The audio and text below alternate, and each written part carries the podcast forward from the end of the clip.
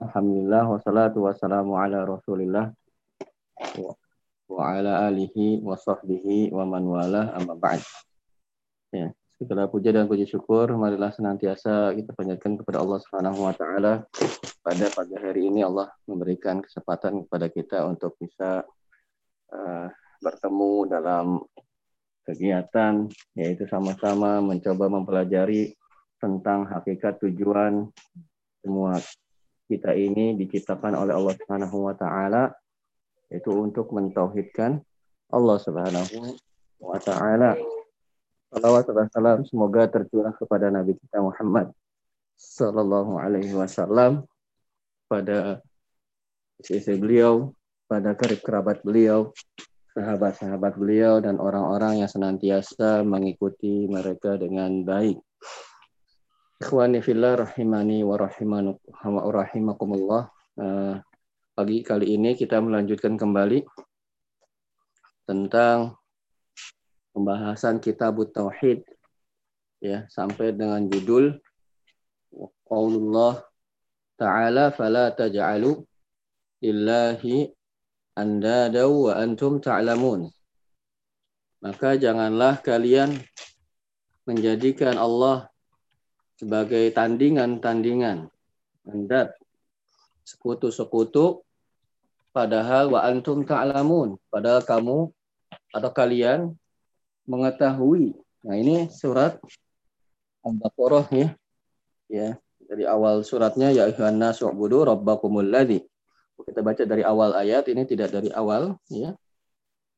Dari awal ayatnya ya ayuhan wahai manusia Ya ayuhan nasu budu sembahlah beribadahlah Rabbakum kepada Rob kalian.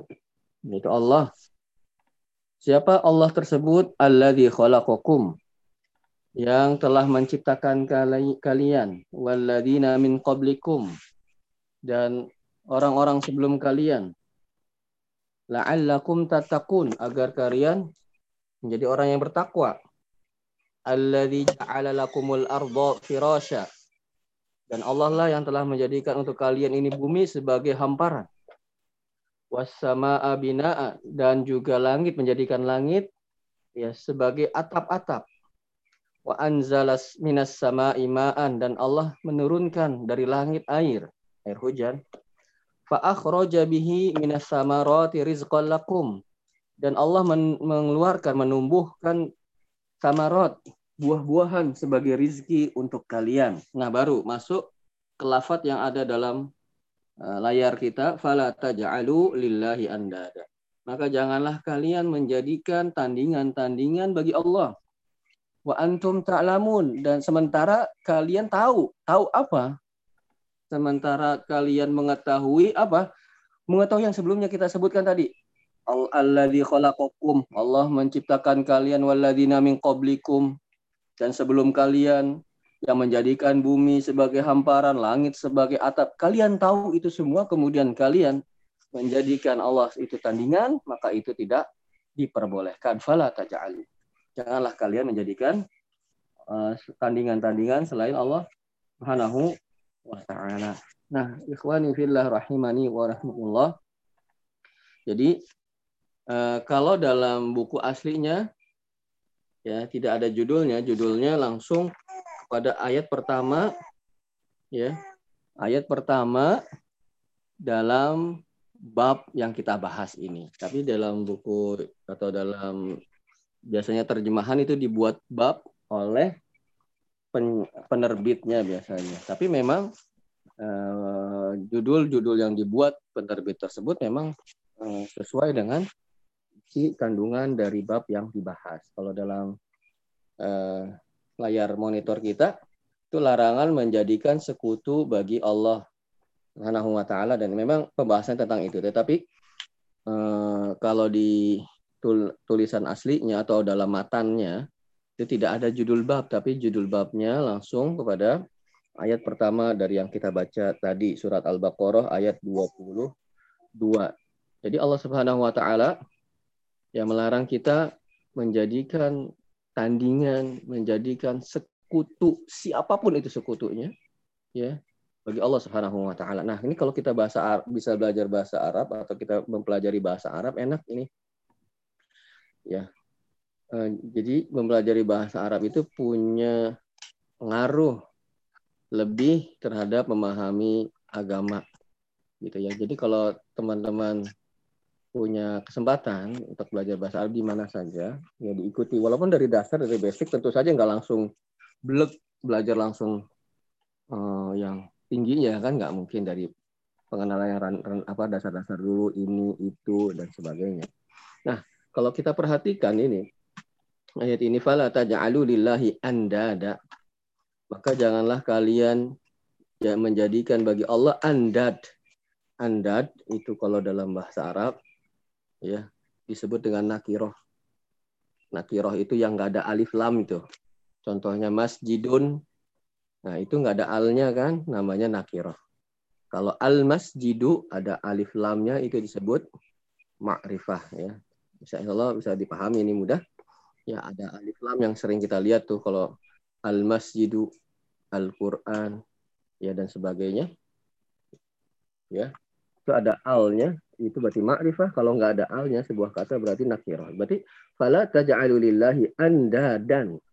Andad ini kalau dalam secara bahasa Arab dia nakirah. Dan perlu diketahui bahwasanya kalau ada kata yang nakirah dalam konteks larangan maka nakirah tersebut berfungsi umum. Ya. Maka di sini kalau kita lihat fala taj'alu lillahi andada. Janganlah kalian menjadikan bagi Allah tandingan apa pun. Jadi Allah Subhanahu wa taala tidak boleh ditandingi dengan apa pun dengan siapa pun. Ya. Bagaimanapun tingginya derajat seseorang atau bagaimanapun hebatnya sesuatu hal, maka Allah Subhanahu wa taala tidak boleh disekutukan dengan hal itu. Karena di sini nakirah. Kalau dengan nabi bagaimana? Walaupun dengan nabi Allah Subhanahu wa taala tidak boleh di sekutukan ya. Walau apalagi di bawah itu dengan orang-orang soleh dengan para wali tentu saja lebih tidak boleh. Dengan Nabi Shallallahu Alaihi Wasallam saja tidak boleh. Terlebih lagi yang di bawah beliau Shallallahu Alaihi Wasallam. Lalu kaitannya dengan bab yang sebelumnya kok bab sebelumnya kalau kita hmm, ingat gitu ya itu kan ada larangan menisbahkan menyandarkan nikmat yang Allah berikan kepada kita kepada selain Allah kan? Gitu ya. Nah itu dalam bentuk penyandaran ada penyelewengan atau kesalahan di dalam masalah tauhid ketika menyandarkan suatu nikmat yang seharusnya itu dari Allah dia sandarkan kepada selain Allah itu juga termasuk hal yang bermasalah dalam tauhid ya nah dalam bab yang akan kita bahas ya adalah menyandarkan sesuatu kepada selain Allah dalam bentuk kata-kata, dalam bentuk lafat, ya, dalam bentuk kata-kata atau kalimat-kalimat tertentu yang sekilas kalimat itu tidak bermasalah bagi kita. Ya, sekilas kalau kita lihat apa sih masalahnya kalau kita mengucapkan hal itu ternyata di sisi Allah itu bermasalah. Jadi ikhwani fillah rahimahullah itulah pentingnya kita mempelajari tentang masalah tauhid. Karena kita bisa jadi menyangka perkara itu sepele, perkara itu ringan, padahal di sisi Allah perkaranya tidak ringan, ya. Jadi ada hal-hal yang menurut mungkin sebagian manusia itu enggak apa-apa, yang nggak ada masalahnya, maka sebetulnya bermasalah. Bagaimana hadis ya yang kita pernah juga sering sampaikan kepada antum. Hadis riwayat Imam Bukhari yang sahih, inal abda inal abda la yatakallam bil kalimah. Dia bisa saja seorang hamba itu mengucapkan suatu kata min sakhatillah yang mengundang kemurkaan Allah la yulqilah habalan. Dia tidak terlalu mengindahkan apa yang dia katakan, nggak ngeh atau nggak menganggap penting atau menganggapnya cuma hal yang biasa, yang remeh. Tapi apa sebabnya? dari kata-kata tersebut yahwi biha fi jahannam. Dia terjerumus karena kata-kata tersebut ke dalam neraka jahanam. Jadi ada kata-kata tertentu ya dalam kasus kita ini. Ya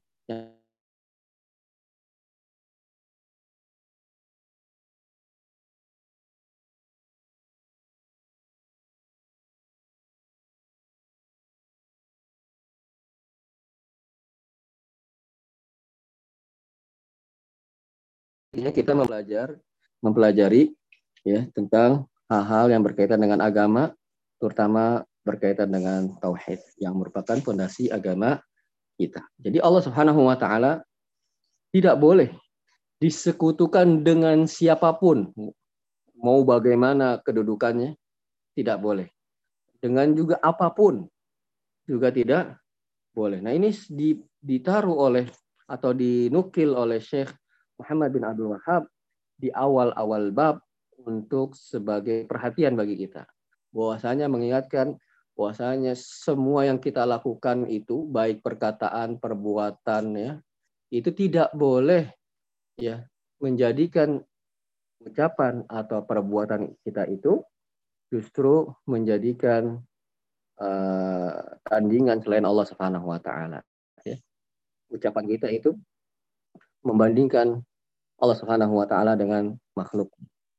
Perbuatan kita itu ya ternyata menjadikan tandingan selain Allah Subhanahu wa taala. Ini di awal bab ini maka Syekh Muhammad bin Abdul Wahab rahimahullahu taala memberikan warning gitu ya.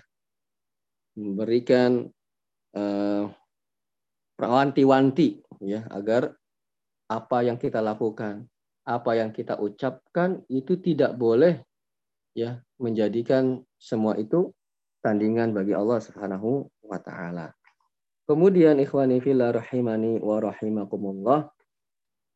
Syekh Muhammad bin Abdul Wahab menukil perkataan seorang sahabat yang menjelaskan tentang uh, beberapa contoh andat, yaitu tandingan-tandingan selain Allah Subhanahu wa taala yang di awalnya beliau menggambarkan dulu permasalahan uh, syirik ya atau menjadikan tandingan selain Allah. Beliau gambarkan permasalahannya seperti apa, kemudian beliau contohkan. Ini beliau rahimahullah taala menukilkan perkataan Ibnu Abbas radhiyallahu anhu yaitu nama beliau adalah Abdullah bin Abbas ya mengatakan al-anda ya, al-anda tandingan-tandingan itu wasyirk adalah kesyirikan. Ya. Kemudian beliau gambarkan bagaimana uh, gambaran tentang kesyirikan. Akhfa min dabi bin namli. Kesyirikan itu lebih halus daripada dabi bin namli. Dabib itu jejak ya. ya. Jejak Anamli, namli itu semut. Ya. Kalau jejak manusia mungkin bisa dideteksi mudah ya. Jejak semut bagaimana? Jadi syirik itu, perkara syirik itu lebih lembut, lebih halus daripada jejaknya seekor semut. Cuman gitu aja tidak. Ala sofatin sauda. Semutnya atau jejaknya itu terletak di atas batu yang sofa itu batu yang halus, yang licin ya. Sauda yang hitam warnanya. Coba antum bayangin. Jejak semut aja, jangan di batu lah. Di keramik saja yang putih. Itu sangat-sangat tersamar. Mungkin harus pakai mikroskop yang pembesarannya berapa kali lipat begitu baru bisa terlihat. Ya. Ini semutnya, jejaknya itu, berada di atas batu ya yang licin, batu yang licin, ya jadi suatu di atasnya itu langsung sangat mudah tergelincir hilang begitu ya. Batu licinnya warnanya hitam. Tidak hanya sampai situ. Fi zulmatil lail. Pada waktu malam hari. Ya. Jadi pertama kesyirikan itu gambarannya lebih halus, lebih tersembunyi, lebih lembut, lebih tidak diketahui ya seperti sulitnya kita melihat jejak seekor semut di atas sebuah batu licin yang berwarna hitam di kegelapan malam. Masya Allah ya. Beliau gambarkan tentang bentuk kesyirikan itu itu. Ya, artinya kalau kita tidak mempelajari sangat berpotensi besar kita terjatuh ke dalam kesyirikan. Orang digambarkan oleh Abdullah bin Abbas begitu tersembunyinya, begitu halusnya kesyirikan. Sehingga orang yang melakukannya sangat mungkin tidak menyadari dia telah melakukan kesyirikan ya. Dia merasa baik-baik saja, dia merasa semua berjalan berlangsung seperti seharusnya padahal hal tersebut menghancurkan akidahnya, merusak keimanannya begitu ya. Jadi perkara syirik itu demikian tersembunyinya. Oleh karena itu sangat penting bagi kita ya ikhwah rahimakumullah kita mempelajari bagaimana kita menyembah Allah Subhanahu wa taala dengan benar. Bagaimana bentuk kesyirikan-kesyirikan agar kita menjauhinya. Karena terselubungnya begitu tersembunyinya. Oleh karena itu sangat-sangat penting sekali lagi kita mempelajari permasalahan tauhid kemudian ikhwani fillah rahimani kalau begitu tersembunyi di mana kita ini baru pemula ya begitu ya termasuk saya baru pemula kita mempelajari tentang apa tauhid ya gimana khawatir kita terjerumus kepada kesyirikan. Yang pertama terus belajar. Ya, jangan berhenti sampai Allah Subhanahu wa taala memanggil kita, ya. Terutama permasalahan-permasalahan tauhid.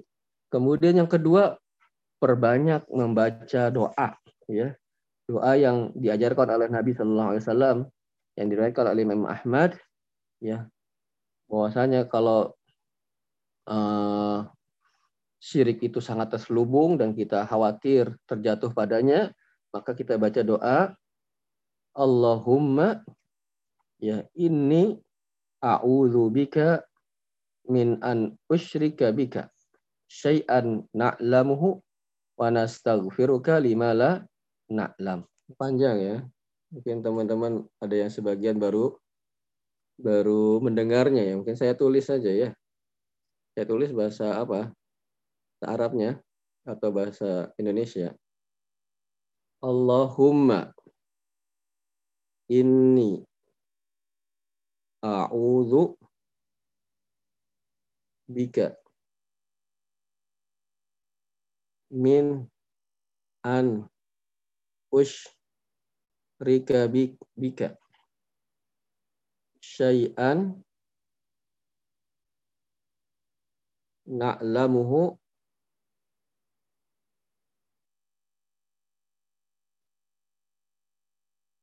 Wa nastag wa astaghfiruka.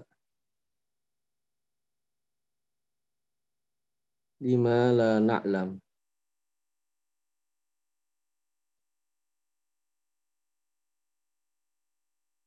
Allahumma inni ya kalau bisa dihafal.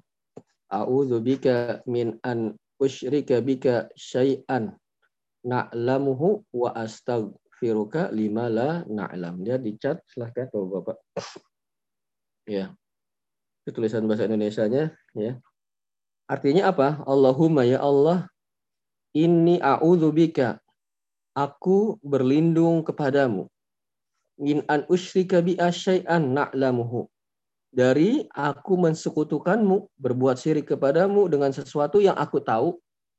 Ya. Wa nastaghfiruka dan aku memohon ampun kepada kepadamu lima la na'lam pada hal-hal yang aku tidak tahu. Jadi mungkin kita suka pernah keceplosan melakukan sesuatu ternyata aduh ini kan syirikan ya. Kemudian atau kita melakukan sesuatu yang kita tidak tahu ya maka kita memohon ampun kepada Allah Subhanahu wa taala, kita memohon perlindungan kepada Allah Subhanahu wa taala. Demikian doanya yang diberikan oleh Imam Ahmad, doa yang diajarkan Nabi Shallallahu alaihi wasallam agar kita terjauh dari kesyirikan gitu ya. Nah, itu diperbanyak membaca doa doa tersebut ya. Kemudian ikhwani fillah wa rahimani wa Setelah beliau Abdullah bin Abbas menggambarkan hakikat atau gambaran tentang kesyirikan, beliau membuat contoh-contoh.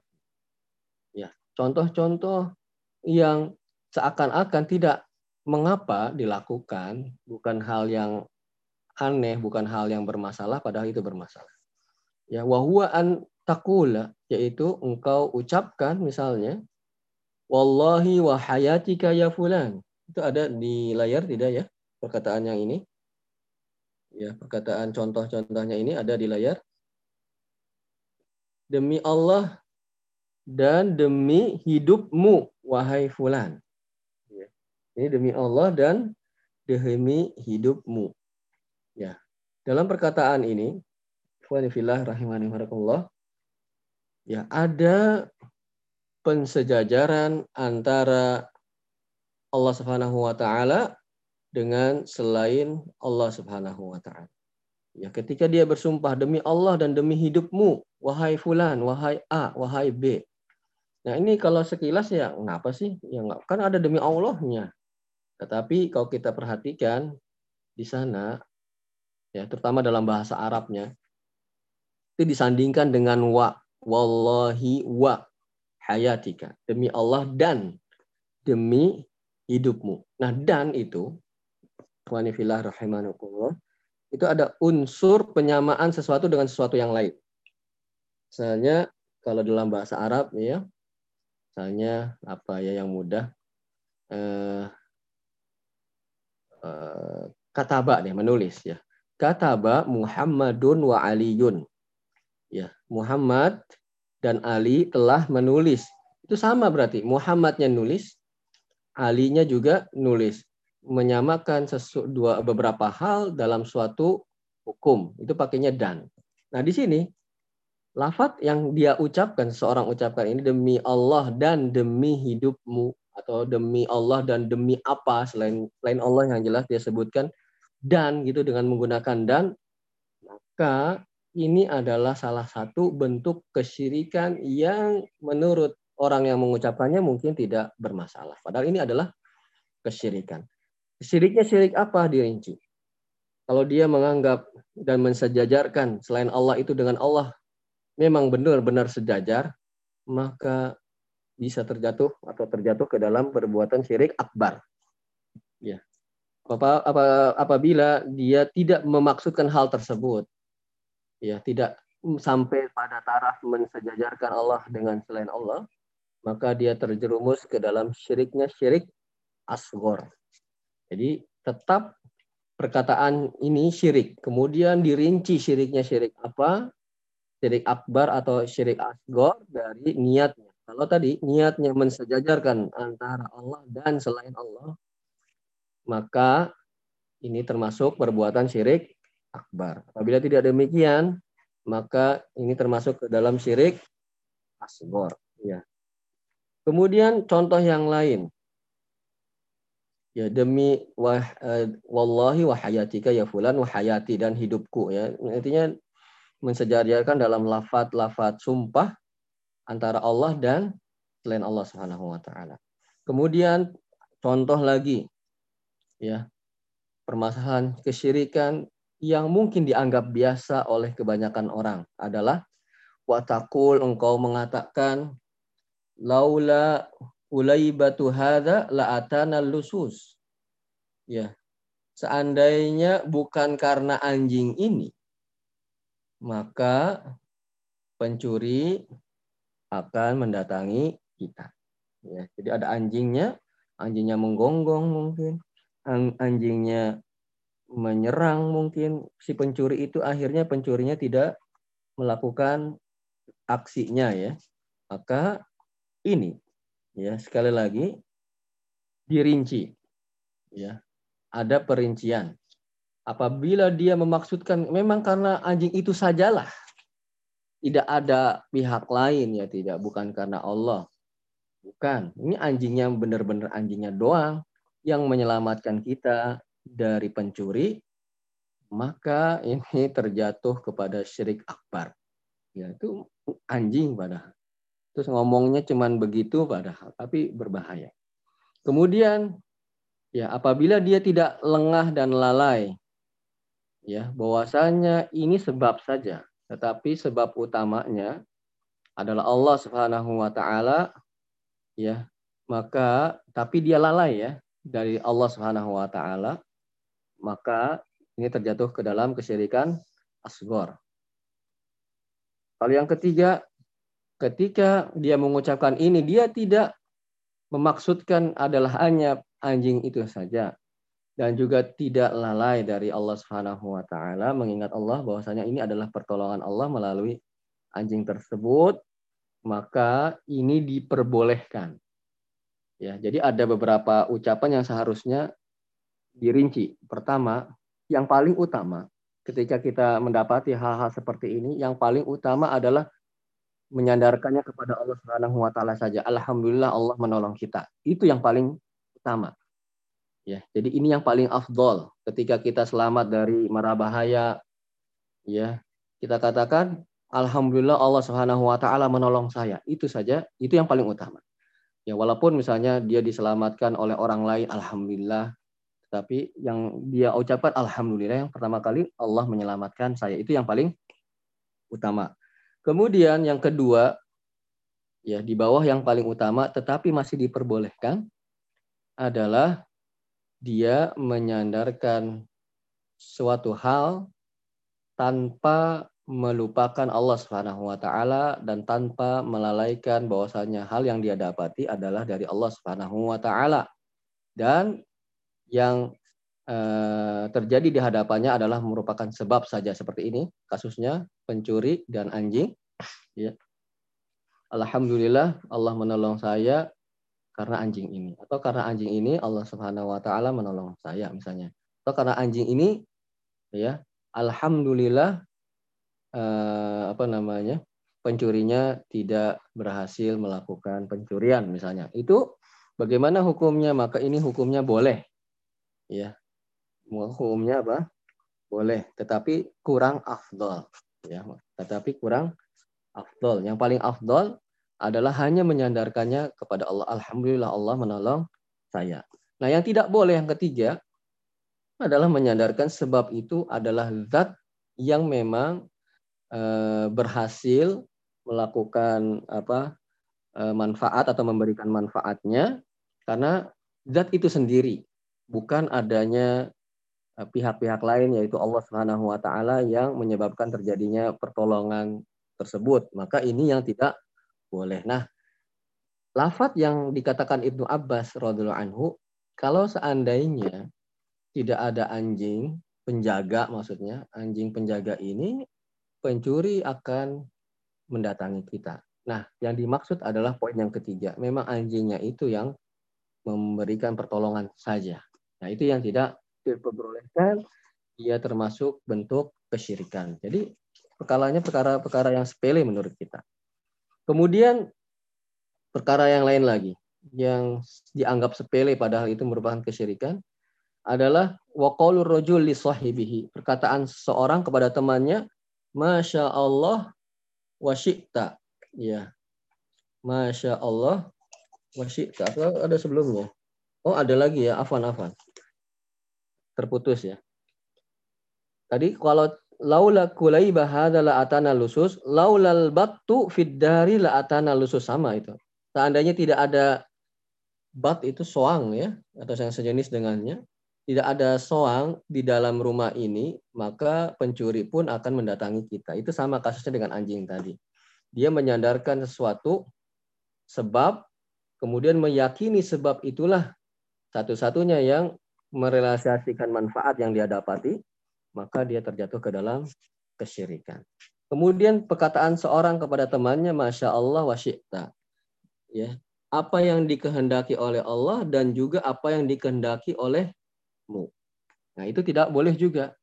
Ya, tetapi apa? Wa rojul maka katakan apa ketika uh, Masya Allah wa syi'ta itu tidak diperbolehkan, maka kita katakan Masya Allah saja. Ya, apa yang Allah Subhanahu wa taala kehendaki. Kemudian perkataan seorang, laulallah wa fulan. Kalau bukan karena Allah dan si fulan, si A, ya, maka ini juga termasuk kesyirikan. Kalau bukan karena Allah dan kamu nih, saya ini nggak mungkin apa bisa berhasil seperti sekarang. Nah, atau perkataan kalau bukan karena Allah dan kamu nih, saya sudah ketabrak. Nah, itu tidak boleh. Ya, perkataan kalau bukan karena Allah dan kamu itu bermasalah. Bermasalahnya pada penyamaan antara Allah dan selain Allah Subhanahu wa taala. Ya, ringan ya, yang sepele kita rasakan, tetapi itu merupakan bentuk kesyirikan. Lalu gimana ngomongnya supaya tidak terjatuh ke dalam kesyirikan? Ya, demi Allah atau kalau bukan karena Allah sudah atau kalau kita mau juga alternatif yang lain kalau bukan karena Allah kemudian karena engkau. Nah, ada kemudian itu tidak menyamakan derajat Allah Subhanahu wa taala dengan selain Allah Subhanahu wa taala menunjukkan kemudian itu setelahnya ya derajat yang di bawahnya. Oleh karena itu kita katakan kalau bukan karena Allah nih kemudian karena kamu ya saya nggak berhasil. Nah itu diperbolehkan. Tapi yang paling utama adalah kalau bukan karena Allah saja. Itu yang paling utama. Tapi kalau di mau yang di bawah itu kalau bukan karena Allah kemudian setelah itu karena kamu bantu saya, ya maka saya berhasil itu diperbolehkan. Yang tidak boleh kalau bukan karena Allah dan bukan karena kamu, nah itu yang yang bermasalah karena menyamakan menandingkan Allah Subhanahu wa taala dengan selain Allah Subhanahu wa taala padahal di awal-awal bab sudah diwanti-wanti oleh Syekh Muhammad bin Abdul Wahab rahimahullah taala fala taj'alu lillahi andada. Janganlah kalian menjadikan tandingan-tandingan bagi Allah Subhanahu wa taala. Oleh karena itu tidak boleh. Sampai-sampai cuma ngomong gitu saja Allah tidak boleh dijadikan tandingan, penyetaraan, penyamaan dengan selain Allah Subhanahu wa taala. Kemudian la taj'al fiha fulanan, ya. Jangan engkau menjadikan ya si fulan itu ya sebagai tandingan bagi Allah Subhanahu wa taala dalam mengatakan hal, hal seperti itu, ya. Ya tidak boleh mengatakan hal tersebut ya. Tapi katakan aja apa?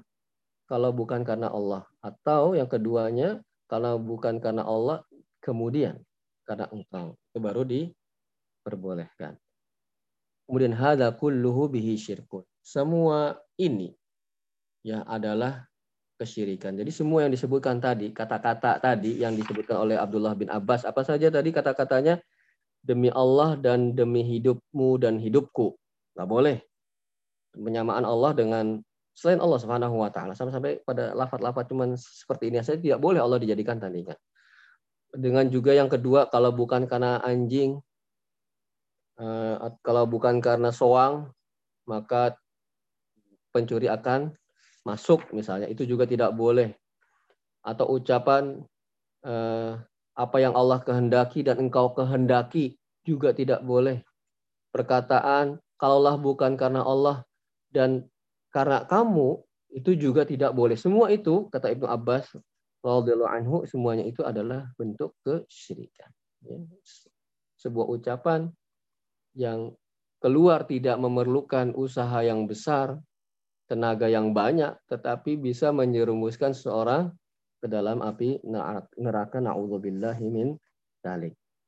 Kemudian wa an Umar bin Khattab radhiyallahu anhu. Ini ada sedikit kesalahan ya, bukan an Umar, tetapi an Abdullah bin Umar ya. Yang benar an Abdul Ibnu Umar atau kita katakan Ibnu Umar, anaknya Umar bukan Umarnya. Bagaimana yang disebutkan oleh penulis Taisir Azizil Hamid dalam Eh, syarah kitab tauhidnya ya ketika di uh, cross check ini dari Ibnu Umar. Dari Ibnu Umar bin Khattab radhiyallahu anhu anna Rasulullah sallallahu qala Rasulullah bersabda man halafa bi ghairillah faqad kafar au asyrak. Barang siapa yang bersumpah dengan selain Allah maka dia telah kufur dan juga telah berbuat kesyirikan. Jadi Allah Subhanahu wa taala tidak boleh dijadikan tandingan walaupun pada hanya kata-kata saja, apalagi perbuatan. Kata-kata saja Allah Subhanahu wa taala tidak boleh ditandingi. Contoh kasusnya adalah ketika bersumpah. Tidak boleh bersumpah dengan nama selain Allah Subhanahu wa taala karena itu adalah perbuatan kekufuran, perbuatan kesyirikan ya, tidak boleh. Bagaimana dengan Rasul? Misalnya kita demi Allah dan demi Rasulullah. Boleh tidak? Tidak boleh. Ya, di situ man halafa bi ghairillah. Bi ghairillah itu umum. Siapa saja selain Allah Subhanahu wa taala dengan makhluk ya. Pada atau dalam kata lain tidak boleh kita bersumpah dengan atas nama makhluk demi menyandingkan demi Allah dan demi Rasul itu tidak boleh. Katakan hanya demi Allah saja. Uh, atau dengan nama-nama Allah Subhanahu wa taala dan sifat-sifatnya boleh. Ya, demi misalnya demi Ar-Rahman. Ya, Ar-Rahman itu siapa? Ya Allah Subhanahu wa taala. Ya, demi Al-Basir. Ya, demi zat yang Maha melihat. Itu boleh. Tetapi kalau selain Allah Subhanahu wa taala bahkan dengan Nabi sallallahu alaihi wasallam saja tidak boleh demi Allah dan demi Rasul itu tidak boleh. Hanya hanya dengan Allah Subhanahu wa taala saja. Man halafa kafar atau asyrak begitu ya. Jadi ikhwani fillah rahimani wa rahmatullah. Kalau begitu, kok kita pernah lihat dalam Al-Qur'an Allah Subhanahu wa taala bersumpah dengan makhluk ya. Banyak dalam Al-Qur'annya wasyamsi waduhaha demi matahari dan cahaya dan waktu duhanya ya walaili idza yabsha banyak ya Allah Subhanahu wa taala bersumpah tetapi dengan makhluk maka kalau Allah Subhanahu wa taala maka boleh Allah Subhanahu wa taala bersumpah dengan makhluknya adapun kita manusia atau makhluk tidak boleh kita bersumpah dengan makhluk lagi hanya bersumpah dengan nama Allah Subhanahu wa taala atau nama-namanya atau sifat-sifatnya. Ya Allah Subhanahu wa taala tidak ditanya, yang akan ditanya kita. Ya. Dan semua ini akan ditanya, tidak Allah Subhanahu wa taala tidak ditanya. Allah melakukan apa yang Allah kehendaki. Ya. Jadi sekali lagi kalau makhluk atau manusia itu tidak boleh bersumpah dengan selain Allah Subhanahu wa taala atau dengan nama-nama selain nama-nama Allah, selain sifat-sifat Allah Subhanahu wa taala. Adapun Allah maka Allah boleh bersumpah dengan makhluknya dan menunjukkan sumpah Allah terhadap makhluknya. Kedudukan makhluk tersebut begitu agung, begitu besar bagi kehidupan manusia, begitu ya. Dan ikhwani fillah rahimani wa rahimakumullah. Ya, kita lanjutkan kembali. Wa qala Ibnu Mas'ud, Abdullah bin Mas'ud itu seorang sahabat mengatakan la an ahlifa billahi kadziban ya la an ahlifa billahi kadziban sungguh aku bersumpah atas nama Allah itu bohong ahabu ilayya min an ahlifa bi sadiqan. Lebih aku sukai daripada aku bersumpah dengan selain Allah tetapi jujur. Nah ini bukan berarti ikhwani fillah Abdullah bin Mas'ud suka bersumpah atas nama Allah tapi bohong, bukan ya. Tapi beliau ingin membandingkan permasalahan bersumpah dengan Allah tetapi bohong dengan bersumpah dengan selain Allah tapi jujur itu bagaimana? Bahwasanya bersumpah atas nama Allah tapi bohong itu lebih baik ya daripada bersumpah dengan selain Allah tapi jujur. Ya. Kenapa? Kalau bersumpah dengan selain Allah tetapi jujur, eh, dia kesyirikan, dia bentuk ke kesyirikan. Tapi kalau bersumpah atas nama Allah bohong, itu kemaksiatan.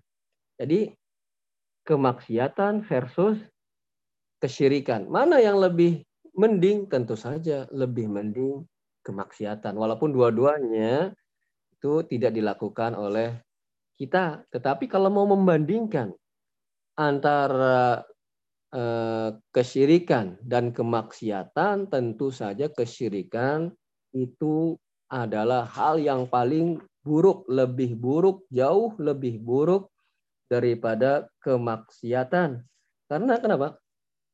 Karena kesyirikan adalah dosa yang tidak diampuni oleh Allah Subhanahu wa taala. Ya, Allah Subhanahu wa taala berfirman, "Innallaha la yaghfiru an an yushraka bihi wa yaghfiru ma duna dzalika Dimayasya surat An-Nisa ayat 116. Ya Allah Subhanahu wa taala berfirman, "Innallaha sungguhnya Allah la yaghfiru tidak mengampuni an an yusyraka bihi." Allah itu disekutukan dengan sesuatu apa pun Ya wa yaghfiru ma duna dzalika liman yasha. Dan Allah mengampuni dosa di bawah kesyirikan bagi siapa yang Allah kehendaki. Ini kalau kita belajar bahasa Arab juga sangat sangat membantu sekali ini memahami ayat ini ya. Memahami innallaha la yaghfiru an yushraka biha itu sangat sangat membantu.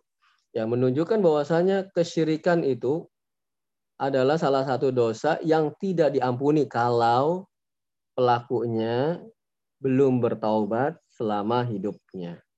Dia meninggal dalam keadaan belum bertobat dari kesyirikannya, maka dosa kesyirikan tersebut tidak akan diampuni. Berbeda halnya dengan kemaksiatan. Apabila seseorang melakukan maksiat dan belum bertobat kepada Allah Subhanahu wa taala kemudian meninggal apakah mesti harus uh, dia itu disiksa oleh Allah Subhanahu wa taala maka jawabannya tidak. Ya, ketika seorang berbuat maksiat kemudian meninggal maka kemungkinannya ada dua. Kemungkinannya Allah Subhanahu wa taala azab ya dia dengan api neraka, kemungkinan yang kedua Allah ampuni dia. Ya, dan Allah Subhanahu wa taala tidak mengazabnya ke dalam api neraka. Tetapi kalau dosa syirik itu tidak akan diampuni oleh Allah Subhanahu wa taala. Oleh karena itulah kesyirikan itu keburukannya lebih parah daripada kemaksiatan. Oleh karenanya ketika Ibnu Mas'ud radhiyallahu anhu ingin membandingkan antara kesyirikan dan kemaksiatan, beliau mengatakan saya itu bersumpah atas nama Allah tapi bohong itu lebih baik, lebih saya sukai daripada saya bersumpah dengan selain Allah tapi jujur. Kenapa tadi? Bersumpah dengan selain Allah jujur itu kesyirikan. Ya. Dan dosa kesyirikan itu tidak akan diampuni oleh Allah dengan catatan tadi yang kita sebutkan. Ah, tapi dosa kemaksiatan itu mungkin Allah ampuni dan mungkin Allah mengadabnya. Nah, bersumpah atas nama Allah tapi bohong itu bukan kesyirikan itu kemaksiat kemaksiatan. Nah, derajat maksiat itu di bawah derajat kesyirikan. Tapi tentunya ini tidak dipahami bahwasanya kita boleh ya bersumpah atas nama Allah tapi bohong, bukan. Ya, tetapi kalau kita mau banding-bandingkan antara parahnya ya bersumpah dengan dengan nama Allah tapi bohong dengan bersumpah dengan selain Allah tapi jujur itu bandingannya adalah lebih baik ya lebih baik walaupun dalam masih dua-duanya ini buruk ya ya buruknya itu lebih ringan daripada bersumpah dengan selain Allah tetapi jujur ya keburukannya lebih ringan bukan berarti baik ya Afan keburukannya lebih ringan itu dikatakan oleh Abdullah bin Mas'ud radhiyallahu anhu seorang sahabat Rasulullah sallallahu alaihi wasallam. Kemudian ikhwani fillah rahimani wa. Wa an Hudzaifah radhiyallahu anhu ini juga perkataan sahabat lain. Hudzaifah bin Yaman radhiyallahu anhu anna Rasulullah sallallahu alaihi wasallam qol Rasulullah SAW bersabda, La takulu, janganlah kalian mengatakan, Masya Allah wa sya'a fulan. Ya, apa yang Allah kehendaki dan apa yang engkau kehendaki. Ya. Tapi apa? Walakin kulu akan tetapi kalian ucapkan Masya Allah summa sya'afulan. Ya, apa yang Allah kehendaki kemudian apa yang dikehendaki si fulan. Nggak boleh dan. Ya apa yang Allah kehendaki dan apa yang engkau kehendaki nggak boleh. Atau kalau bukan karena Allah dan karena engkau itu juga tidak boleh. Tetapi katakan apa? Kalau bukan karena Allah kemudian setelah itu karena kamu sebabnya, nah itu baru baru apa? Diperbolehkan. Nah, itu sampai ucapan yang kayak gitu saja menyamakan Allah dan ya dengan kata dan demi Allah dan misalnya demi apa maka tidak boleh ya. Kemudian yang selanjutnya wajah an Ibrahim an Nakhai Ibrahim an Nakhai adalah seorang tabi'in ya. Sebagaimana telah kita singgung ya ada istilah-istilah tertentu sahabat. Tabiin sahabat itu siapa? Ya kalau kita ingat sahabat yang disebut dengan sahabat Nabi Shallallahu Alaihi Wasallam adalah orang-orang yang sezaman dengan Nabi kemudian bertemu dengan Nabi, ya, kemudian beriman dengan Nabi, kemudian apa? meninggal dalam keadaan iman kepada Nabi. Nah, itu disebut dengan sahabat. Ya, tadi seperti contohnya Abdullah bin Mas'ud, Uzaifah bin Yaman yang kita sebutkan perkataan-perkataannya sebelumnya tadi. Itu sahabat. Nah, itu adalah generasi yang sezaman dengan Nabi, yang bertemu dengan Nabi, yang beriman kepada Nabi dan wafat dalam keimanan kepada Nabi Shallallahu Alaihi Wasallam itu sahabat. Nah, generasi setelahnya itu disebut dengan tabiin. Tabiin adalah orang yang tidak bertemu dengan Nabi, tetapi bertemunya dengan sahabat Nabi. Ya beriman kepada Nabi dan wafat dalam keadaan beriman. Nah, itu disebut dengan tabiin. Nah, Ibrahim An-Nakhai ini adalah salah satu ya tokoh atau ulama generasi tabiin. Berarti generasi setelah para sahabat yang masih dalam kategori generasi-generasi terbaik dari umat ini ada tiga generasi generasi sahabat generasi setelahnya tabiin generasi setelahnya tabiut tabiin berdasarkan uh, sebuah hadis sabda Rasulullah SAW khairul quruni korni sebaik-baiknya generasi generasiku generasinya sahabat Thummal ladina yalunahum kemudian generasi setelahnya yaitu tabiin Thummal ladina yalunahum kemudian generasi setelahnya ya itu yang generasi yang paling baik yang pernah dimiliki oleh umat Islam. Nah, beliau mengatakan apa? Seorang tabi'in ini annahu yukrah. Ya. Bahwasanya beliau melarang perkataan a'udzu billahi wa bika. Aku berlindung kepada Allah dan kepadamu. Ya, enggak boleh ucapan ini. Saya minta tolong kepada Allah dan kepadamu. Saya, saya minta tolong kepadamu. Itu enggak boleh. Ya wa yajuzu an yakul maka boleh kalau mau mengatakan a'udzu billahi tsumma bika aku berlindung kepada Allah kemudian kepadamu atau setelah setelah itu kepadamu itu boleh tidak ada unsur penyamaan antara Allah dan selain Allah Subhanahu wa taala kalau dan itu menyamakan hukumnya saya berlindung kepada Allah dan kamu itu menyamakan antara kamu dengan Allah Subhanahu wa taala. Kalau kita katakan saya berlindung, saya atau saya meminta pertolongan kepada Allah, kemudian setelah itu saya meminta pertolongan dengan kamu, maka itu berbeda. Ya. Maka kita katakan saya minta pertolongan kepada Allah, kemudian saya meminta pertolongan kepada kepadamu. Kemudian qala wa yaqul laulallahu summa fulan. Juga tidak boleh kita katakan kalaulah tidak karena Allah, eh, kalau karenalah tidak karena Allah, kemudian dengan eh, kemudian setelah itu dengan fulan. Nah, ini yang diperbolehkan Afwan. Ini yang diperbolehkan ucapan seseorang kalaulah bukan karena Allah, kemudian bukan karena si A, si B, kamu. Nah, itu diperbolehkan tadi sebagaimana kita ucapkan sebelumnya yang tidak boleh apa? Laulallah wa fulan. Tandanya bukan karena Allah dan si A, fulan tuh A ya, si A, si B itu fulan kalau bahasa Arab. Ya. Kalau bukan Allah kan atau karena si fulan atau si kamu atau si A gitu ya, maka tidak begini. Nah, itu yang tidak diperbolehkan. Jadi ikhwanillah rahimani wa Ya, penting kita ketahui bahwasanya tadi gambaran kesyirikan yang digambarkan oleh ya, sahabat ya, itu apa? Abdullah eh, bin Abbas ya menggambarkan bahwasanya perkara kesyirikan itu sungguh perkara yang sangat-sangat halus. Ya, yang tidak diketahui melainkan orang-orang yang benar-benar mempelajarinya. Mempelajari tentang kesyirikan ya digambarkan oleh beliau bahwasanya perkara kesyirikan itu lebih tersembunyi lebih halus daripada jejaknya seekor semut di atas batu licin berwarna hitam di tengah kegelapan malam sulit ya mengetahui apalagi orang-orang awam ya.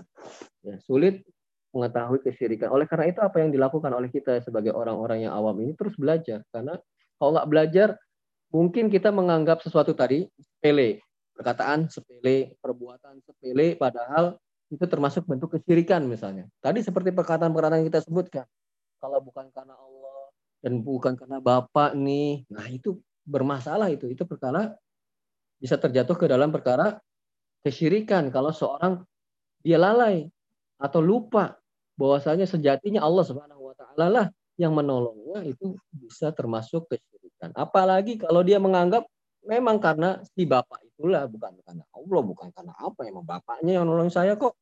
Saya nggak nggak ada urusan sama yang lain, nggak ngeliat juga yang lain nolong saya kecuali bapak ini. Nah, ketika itu bisa terjerumus ke dalam sir akbar, ya syirikan yang akbar yang menghancurkan tauhid seseorang.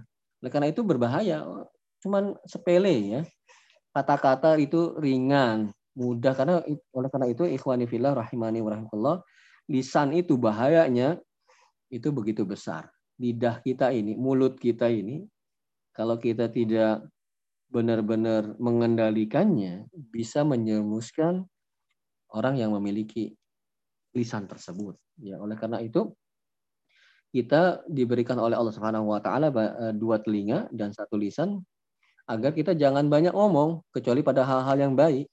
Ya lebih banyak men mendengar ya. Karena itu perlu diperhatikan lisan kita ini bahayanya bisa begitu besar menyebabkan di antaranya adalah kekufuran, kesyirikan dengan mengucapkan suatu kata-kata yang kesannya ringan tetapi bisa menyemburuskan orang yang mengucapkannya ke dalam api neraka sebagaimana hadis yang riwayat Bukhari yang kita sampaikan tadi Innal abda la yatakallam bil kalimah. Seorang itu bisa saja mengucapkan suatu kata min sakhatillah mengundangkan mengundang apa?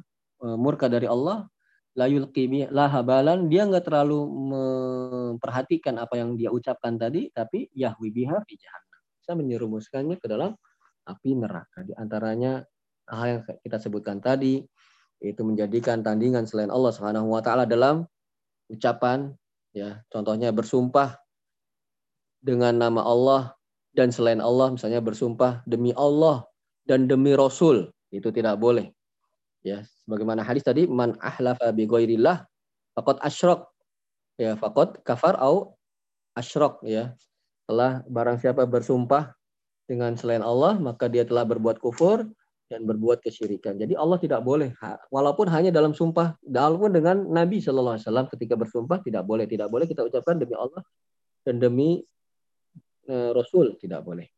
Apalagi selain Rasulullah Shallallahu Alaihi Wasallam, tentu saja tidak diperbolehkan. Kemudian perkataan tadi yang seakan-akan remeh, kalaulah bukan karena Allah dan Anda, ya itu juga tidak boleh. Kalau bukan karena Allah dan Bapak, saya nggak mungkin berhasil. Itu tidak boleh ya kita katakan kalau bukan karena Allah saja atau karena kalau bukan karena Allah kemudian dengan bantuan Bapak itu baru boleh ya maka ucapan-ucapan seperti ini sebaiknya dijauhkan dan selayaknya sepatutnya jauh dari lisan-lisan kaum muslimin walaupun dengan hanya perkataan saja tetapi bisa menjerumuskan pelakunya ke dalam api neraka jahanam. Allahu a'lam bishawab. Apabila ada yang mau disampaikan, ya dipersilahkan. Silakan di unmute mic-nya apabila ingin bertanya.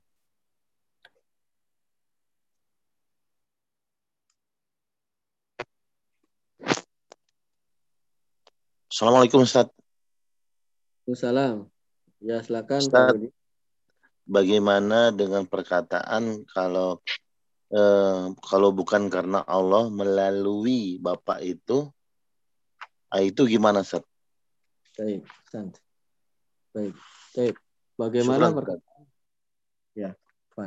Bagaimana perkataan kalaulah bukan karena Allah melalui Bapak si A begitu perkataan tersebut boleh atau tidak maka jawabannya boleh ya karena tidak ada unsur penyamaan antara Allah Subhanahu wa taala dengan selain Allah. Yang tidak boleh adalah kalau bukan karena Allah dan Bapak itu. Nah, itu seakan-akan mensejajarkan Allah dengan selain Allah Subhanahu wa taala dengan si Bapak tadi. Maka itu tidak boleh kalau eh, yang terbaiknya ya kita mau yang paling afdolnya adalah ya karena bukan kalau bukan karena Allah saja. Itu yang paling baik. Kemudian kalau kita ingin mengucapkan terima kasih kepada Bapak, Pak, kalau bukan karena Allah dan pertolongan kemudian ya jangan dan kemudian pertolongan Bapak ya setelah itu atau setelah itu pertolongan Bapak saya nggak mungkin begini maka itu diperbolehkan walaupun yang paling afdol adalah yang pertama kalau bukan karena Allah saja itu yang paling afdol tetapi diperbolehkan dengan lafat-lafat atau dengan kata-kata yang tidak ada unsur penyamaan antara Allah dengan selain Allah. Nah itu Allah tidak boleh disamakan atau distandingkan atau disejajarkan dengan selain Allah. Walaupun dengan kata-kata, walaupun dengan ucapan ya. Itu tadi yang kita sampaikan. Fala taj'alu lillahi andadaw wa antum ta'lamu. Janganlah kalian menjadikan tandingan-tandingan ya selain Allah untuk Allah Subhanahu wa taala. Disejajarkan Allah saja dengan makhluknya itu tidak boleh. Ya. Maka perkataan tadi kalau dia ucapkan maka tidak mengapa dan juga di dalamnya tidak ada unsur pensejajaran antara Allah dengan selain Allah. Kemudian juga dari perkataan tadi memang langsung tersira apa namanya ter, ter, terpahami bahwasanya itu adalah sebab Ya, kalau dia mengatakan misalnya ya, kalau kita katakan tidak ada Allahnya saja, misalnya, Pak, kalau Bapak ini apa namanya bukan karena pertolongan Bapak, saya tidak begini, itu dirinci ya. Sekali lagi Pak Budi, kalau kita lafadznya Allahnya kita hilangkan. Ya, kalau bukan karena pertolongan Bapak, maka itu diperinci. Apa yang dimaksud oleh perkataan yang diucapkan tadi? Kalau dia dia maksudkan bahwasanya itu bapaknya itu sebab, dan dia tidak lalai bahwa ya, yang sebetulnya sejatinya yang memberikan pertolongan kepada dirinya adalah Allah, maka ini diperbolehkan. Apabila dia lalai bahkan dia hanya menyandarkan pertolongan itu karena Bapak itu saja, maka itu yang bermasalah. Ya, jadi perkataan tadi saya ulang lagi, kalau perkataan Pak Budi tadi boleh. Nah sekarang kalau kita hilangkan perkataan tadi, yang tadi Pak Pak Budi contohkan, kalau bukan karena Bapak nih. Nah, itu perlu dirinci ucapan tersebut. Apa maksudnya innamal a'malu biniat. Semua perkara itu tergantung niatnya. Nah, kalau dia niatkan bahwasanya Bapak itu adalah perantara, dia tidak lalai bahwasanya peran apa namanya pemberi yang sejatinya adalah Allah, maka itu boleh walaupun tidak afdal. Ya, apabila dia meyakini bahwasanya sekarang si Bapak itu sajalah yang menyebabkan pertolongannya, maka ini yang termasuk jenis kesyirikan. Begitu. Kesyirikan. Iya. Jadi ikuti Pak Budi. Nah, Ustaz. Iya. Nah ini sering kita nggak sadar ya, ketika pertama kita kita diberi pertolongan, diberi nikmat, nah, ya terlontar kata-kata ini dan seringnya seringnya itu kita lalai dari Allah Subhanahu Wa Taala hanya bersandar kepada si orang yang menolongnya itu ya, yang orang yang menolong. Iya, itu yang bermasalah karena seringnya begitu yang terjadi. Ketika kita ditolong, ya dimasukkan pekerjaan, kita lupa biasanya sama sebetulnya yang nolong kita itu Allah biasanya kan gitu. E, lupa seringnya kita. Kita ditolong dari kecelakaan, lupa tuh. Ya langsung yang terfokus dalam benak kita si itunya si yang menolong kita itulah yang benar-benar menolong kita kan gitu. Nah itu yang hmm. bermasalah itu. Ya seharusnya kita yang pertama kali ketika mendapatkan pertolongan itu kita uh, fokusnya atau terbesit dalam benak kita Allah lah yang menolong kita. Itu makanya penting orang-orang yang belajar tauhid ketika ada sesuatu yang terjadi dia langsung menyandarkan sesuatu tersebut kepada Allah Subhanahu wa taala ya. Berbeda orang-orang yang lalai dari tauhid pasti langsung menyandarkannya yang terbetik dalam benaknya bukan Allahnya yang terbetik pertama kali kalau kita mau jujur. Pasti si orang yang menolong kita itulah yang terbetik pertama kali. Ya, yang tidak yang terbesit pertama kali bukannya Allah, tetapi orang yang menolong kita itulah yang terbesit pertama kali. Ya. Oleh karena itu penting bagi kita terus mendalami tentang permahan tauhid karena kalau kita sering terlatih ya mempelajari tentang tauhid langsung segala apa namanya segala yang terjadi pada diri kita langsung yang pertama kali kita koneknya gitu ya terhubungnya dengan Allah Subhanahu wa taala ketika kita mendapatkan nikmat langsung yang pertama kali itu yang memberi nikmat itu Allah Subhanahu wa taala yang terbesit dalam benak kita. Berkata ter, uh, misalnya tatkala kita diberi musibah kita langsung yang pertama itu kepada Allah Subhanahu wa taala. Ini sudah merupakan takdir dari Allah Subhanahu wa taala. Semua ini pasti ada hikmahnya di balik ini. Langsung berbaik sangka kepada Allah Subhanahu wa taala. Demikian seharusnya orang-orang yang mempelajari tauhid dan kita berusaha untuk terus mempelajari tauhid ini agar demikian segala yang terjadi pada diri kita yang terbesit dalam benak kita pertama kali, yang terlintas di dalam benak kita pertama kali adalah kepada Allah Subhanahu wa taala. Nikmat langsung otomatis. Ini yang memberi nikmat pertama kali yang kita ya, pikirkan adalah Allah Subhanahu wa taala. Kalau kita mendapat musibah, ini adalah datang dari Allah. Ini adalah takdir dari Allah Subhanahu wa dan mudah-mudahan ini menjadi penggugur dosa-dosa saya dan seterusnya ya. Jadi demikianlah hikmah antara orang-orang yang terus mencoba mempelajari tentang permasalahan tauhid ini. Allah Saya diikuti Pak Budi? Nah. Afwan. Ya, ada lagi mungkin yang mau disampaikan? Ya. Pak Tono hadir Pak Tono? Hadir Ustaz. Ya, uh, kalau ada perkataan begini Pak Tono. Uh, kalau bukan karena Allah dan karena uh, dan karena pilotnya eh, apa namanya pintar ini kita jatuh ini. Ya karena kalau bukan karena Allah dan pilotnya pintar itu kita bisa jatuh ini. Boleh nggak perkataan itu nggak boleh Ustaz. Ya kenapa perkataan itu tidak boleh? Karena dengan kata dan itu menyetarakan Allah dengan pilot. Bagus. Itu ada unsur penyetaraan pensejajaran Allah dengan sang pilot tadi. Ya masya Allah. Ya Allah kalau disejajarkan dengan pilot ya. De, kalau bukan karena Allah dan pilotnya itu tidak boleh. Perkataan itu saja bermasalah ya. Perkataan sepele seperti itu bermasalah. Nah yang boleh bagaimana Pak Budi nah maksud yang bolehnya gimana Tadi kalau bukan karena ya dengan perkataan kalau bukan karena Allah mm -hmm. dengan dengan melalui pilot, mm-hmm. maka kita bisa selamat. Ya, Hasan bagus. Kalau bukan karena Allah, kemudian pilotnya, kemudian dengan... ya, kemudian pilotnya pintar, nah itu boleh. Atau kalau bukan karena Allah, me, pertolongan Allah melalui si pilot yang pintar ini, itu juga boleh. Yang tidak boleh perkataan Allah bukan karena Allah dan, dan pilot ya dan pilot yang pintar ini uh, maka kita tidak akan selamat itu tidak diperbolehkan karena ada unsur pensetaraan pensejajaran antara Allah dan selain Allah Subhanahu wa taala. Kalau perkataan seperti ini hmm, kalau bukan karena pilot yang pintar maka kita tidak mungkin selamat. Kalau bukan karena pilot yang pintar maka kita tidak akan selamat. Boleh tidak perkataan ini? Tidak boleh, Ustaz. Tidak boleh. Kenapa? Tidak boleh.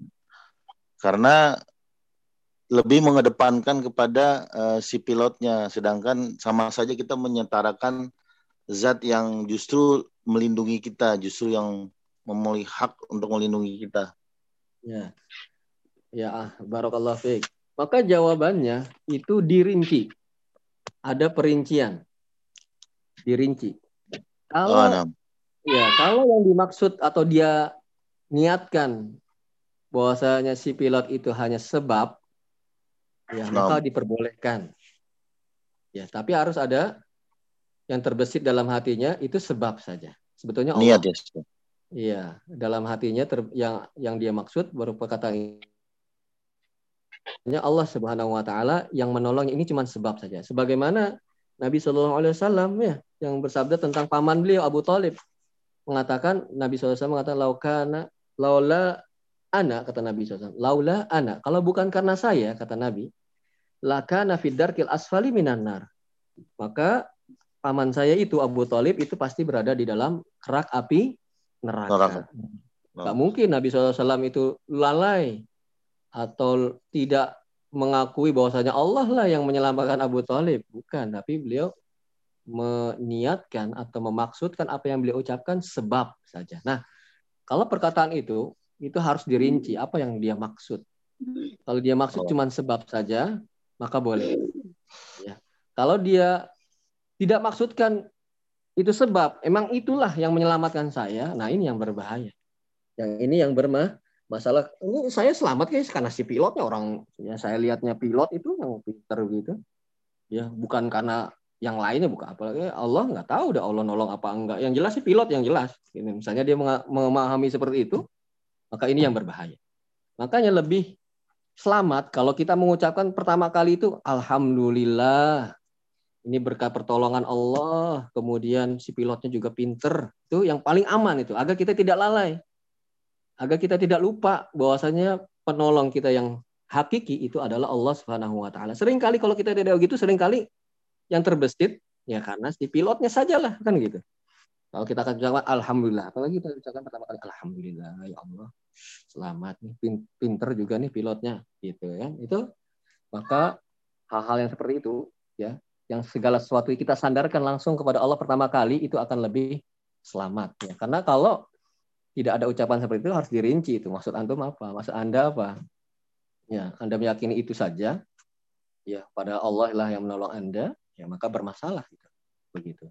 Jadi ada ucapan-ucapan yang ringan menurut kita, padahal ucapan yang kita ucapkan tersebut, yang kita anggap remeh tersebut, yang kita anggap sepele begitu, yang kita anggap itu receh, omongan itu apa sih? Imbasnya, dampaknya nggak ada imbasnya menurut kita. Padahal di sisi Allah itu merupakan perkara yang sangat besar. Oleh karena itulah kita ya perlu mempelajari agama ini karena ada hal-hal yang menurut kita sepele padahal tidak sepele. Ya. Baik sebaliknya ada hal-hal yang besar ya menurut kita besar padahal dalam dalam agama itu perkara yang sepele gitu ya, yang ringan, tidak bermasalah misalnya. Tapi kita menganggapnya itu perkara yang besar. Jadi itu pentingnya kita mempelajari permasalahan agama. Ya mudah-mudahan Allah wa taala memberikan kemudahan bagi kita semua di dunia ini dan di akhirat. Mudah-mudahan Allah Subhanahu wa taala memudahkan kita juga untuk terus mempelajari agama ini ya sampai Allah Subhanahu wa taala memanggil kita. Ya semoga Allah Amin. Subhanahu wa taala wafatkan kita dalam keadaan terus beriman kepada Allah Subhanahu wa taala, tidak melakukan kesyirikan-kesyirikan ya yang menyebabkan rusaknya atau cacatnya keimanan kita yang, yang itu adalah modal utama kita kita di dunia ini tidak akan lama ya umat Nabi Muhammad SAW ini 60 sampai 70 tahun sedikit yang melampaui umur-umur tersebut ya cuman sebentar hidup di dunia. Kemudian akhirnya di dunia kita tidak memanfaatkan sebaik-baiknya nanti penyesalan baru datang tatkala kita bertemu Allah Subhanahu wa taala. Aduh ya Allah kok dulu kenapa saya nggak begini ya? Kenapa dulu nggak begitu? Ya nggak bisa balik lagi kalau sudah kita meninggal ya keadaan kita tidak mungkin kembali ke dunia. Aduh kalau saya masih hidup dulu saya tuh begini bakal ah, ber- beribadah terus. Kalau tahu gini mah misalnya akan datang. Belakangan mudah-mudahan kita tidak termasuk orang-orang yang demikian. Allah alam bisawab ya yang ini yang bisa saya sampaikan mudah-mudahan bermanfaat. Kita tutup. Subhanakallahumma wabihamdika asyhadu an la ilaha illa anta astaghfiruka wa atubu ilaik. Assalamualaikum warahmatullahi wabarakatuh Waalaikumsalam warahmatullahi Waalaikumsalam warahmatullahi Waalaikumsalam warahmatullahi wabarakatuh. Barakallahu fikum, Ustaz. Assalamualaikum.